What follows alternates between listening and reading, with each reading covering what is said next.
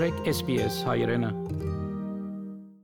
Ողջույն հարգելի ունկնդիրներ, անցաչափաթը Հայաստանում, Արցախում եւ Սփյուռքում Ադրբեջանը հարձակվել է Հայաստանի սուվերեն տարածքի վրա կան զոհեր գերեվարվածներ։ Երևանը Հայաստանի տարածքային ամբողջականությունը պաշտպանելու կոչով դիմել է Մոսկվային։ Այս եւ այլ նորություններ առավել մանրամասն։ Ամենավերջին նորությունները հարահավաք է տեղի ունեցել Երևանում դեմարկացիայի մասին ենթադրյալ փաստաթուղթը հրապարակելու պահանջով։ Նոյեմբերի 22-ին Հանրապետության հրապարակում մի խումբ քաղաքացիներ ակցիա են անցկացրել պահանջելով հրապարակ հրապարակել Ադրբեջանի հետ ստորագրվելիք փաստաթղթերը թույլ չտալ միջանցք տրամադրել Ադրբեջանին։ Մենք այստեղ հավաքվել ենք մի քանի կարևոր հարցադրումներով։ Դրանցից մեկը մեր պետականությանը սպառնացող կետերից մեկն է՝ սահմանագծում եւ սահմանազատում։ Ինչպես բարբերաբար փորձում են մեզ համոզել, թե դա շատ լավ մեծ օգուտ կտա մեզ։ Փաշինյան-Ալիև հանդիպում հաջորդ ամիս Հայաստանի վարչապետ Նիկոլ Փաշինյանը եւ Ադրբեջանի նախագահ Իլհամ Ալիևը համաձայնել են դեկտեմբերի 15-ին Բրյուսելում հանդիպել Եվրամիության արևելյան գործընկերության գագաթնաժողովի շրջանակներում։ Եվրոպական խորհրդի նախագահ Շարլ Միշելը նոյեմբերի 19-ին հերախոսազրույց է ունեցել Հայաստանի վարչապետ Նիկոլ Փաշինյանի եւ Ադրբեջանի նախագահ Իլհամ Ալիևի հետ եւ առաջարկել շարունակել ավելի վաղ սկսած քննարկումները։ Կողմերը համաձայնել են։ Իսկ արդյոք ճիշտ են նոյեմբերի 26-ին Սոչիում Հայաստանի վարչապետի եւ Ադրբեջանի նախագահի հանդիպման մասին շրջանառվող լուրերը այս հարցինի պատասխան Հայաստանի արտգործնախարարությունը հայտնել է, որ Հայաստանի վարչապետի եւ Ադրբեջանի նախագահի հավանական հանդիպման առնչությամբ տարբեր ձևաչափերով տարբեր առաջարկներ քննարկվում են եւ երբ որևէ համաձայնություն ձեռք բերվի ժամկետների, տեղի եւ ֆորմատների մասին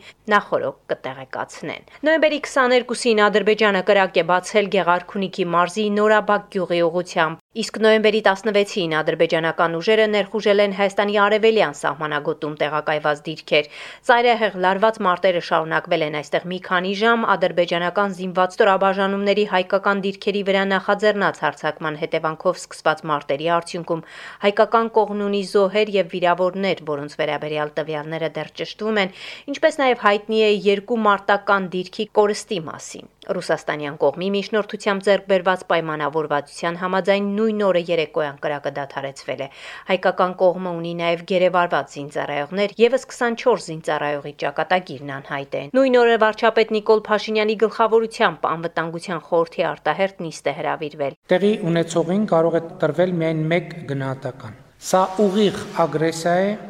Հայաստանի Հանրապետության ինքնիշխան տարածքի նկատմամբ։ Մայիսի 12-ին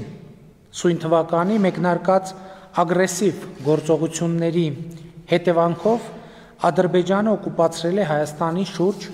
41 քառակուսի կիլոմետր ինքնիշխան տարածք։ Միջազգային մեր գործընկերների լրության պայմաններում Ադրբեջանը շարունակում է իր ագրեսիվ գործողությունները, իր ելույթում ասել է Նիկոլ Փաշինյանը, նշելով, որ իր գնահատականը միանշանակ է Ադրբեջանը եւ նրան քաջալերող ուժերը թիրախավորում են մեր ինքնիշխանությունը, մեր պետականությունն ու մեր անկախությունը։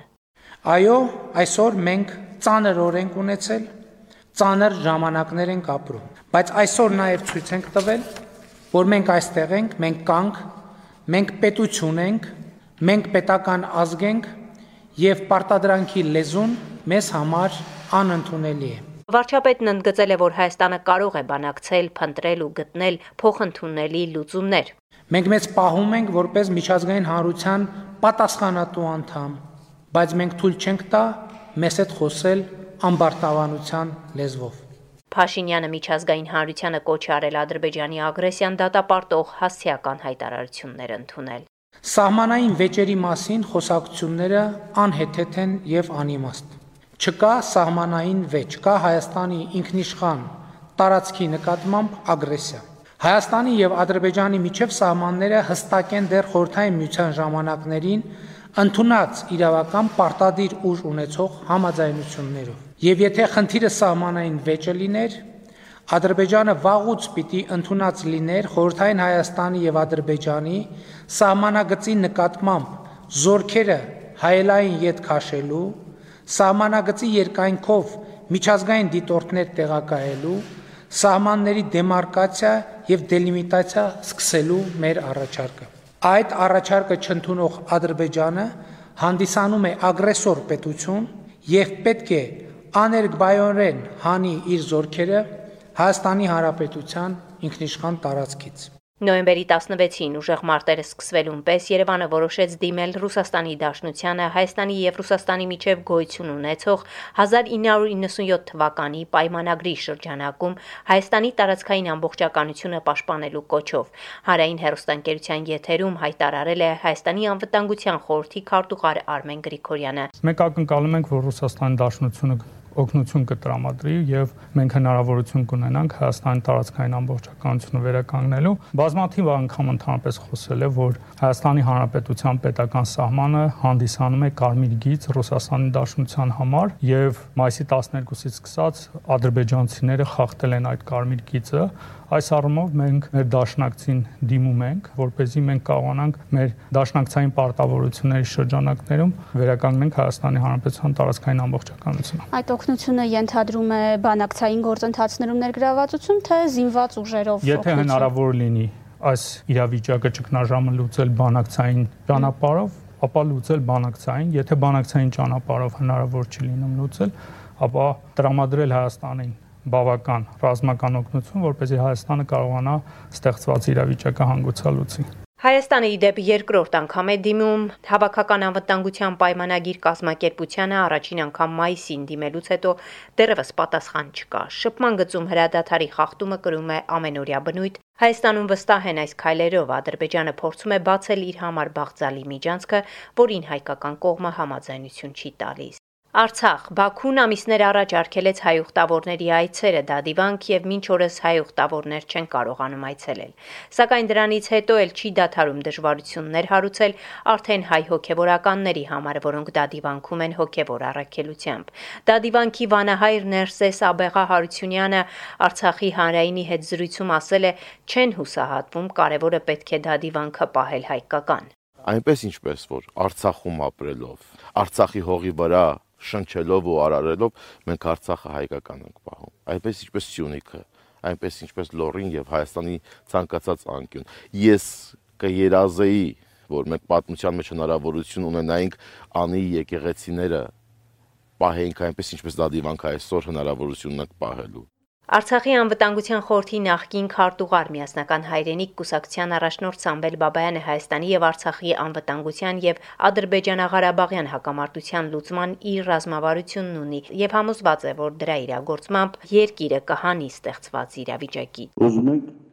հստակ ծրագիր իրականացնենք քննարկենք, քննարկված լինի հասարակության լայն շերտեր, մասնակցություն ունենան, հասկանան, ժողովուրդը հասկանա ուրա գնում, ինչ խնդիր ալուծում, ոնց ալուծում այդ խնդիրները։ Նրա համոզմամբ մեր անվտանգության մասին ոչ ոք մեզնից բացի չի մտածելու, ասում է բանակաշինության, ռազմական բալանսի եւ զինված ուժերում արկա խնդիրների մասին մի քանի անգամ տեղեկացրել է Հայաստանի եւ Արցախի իշխանություններին, բայց իրեն չեն լսել։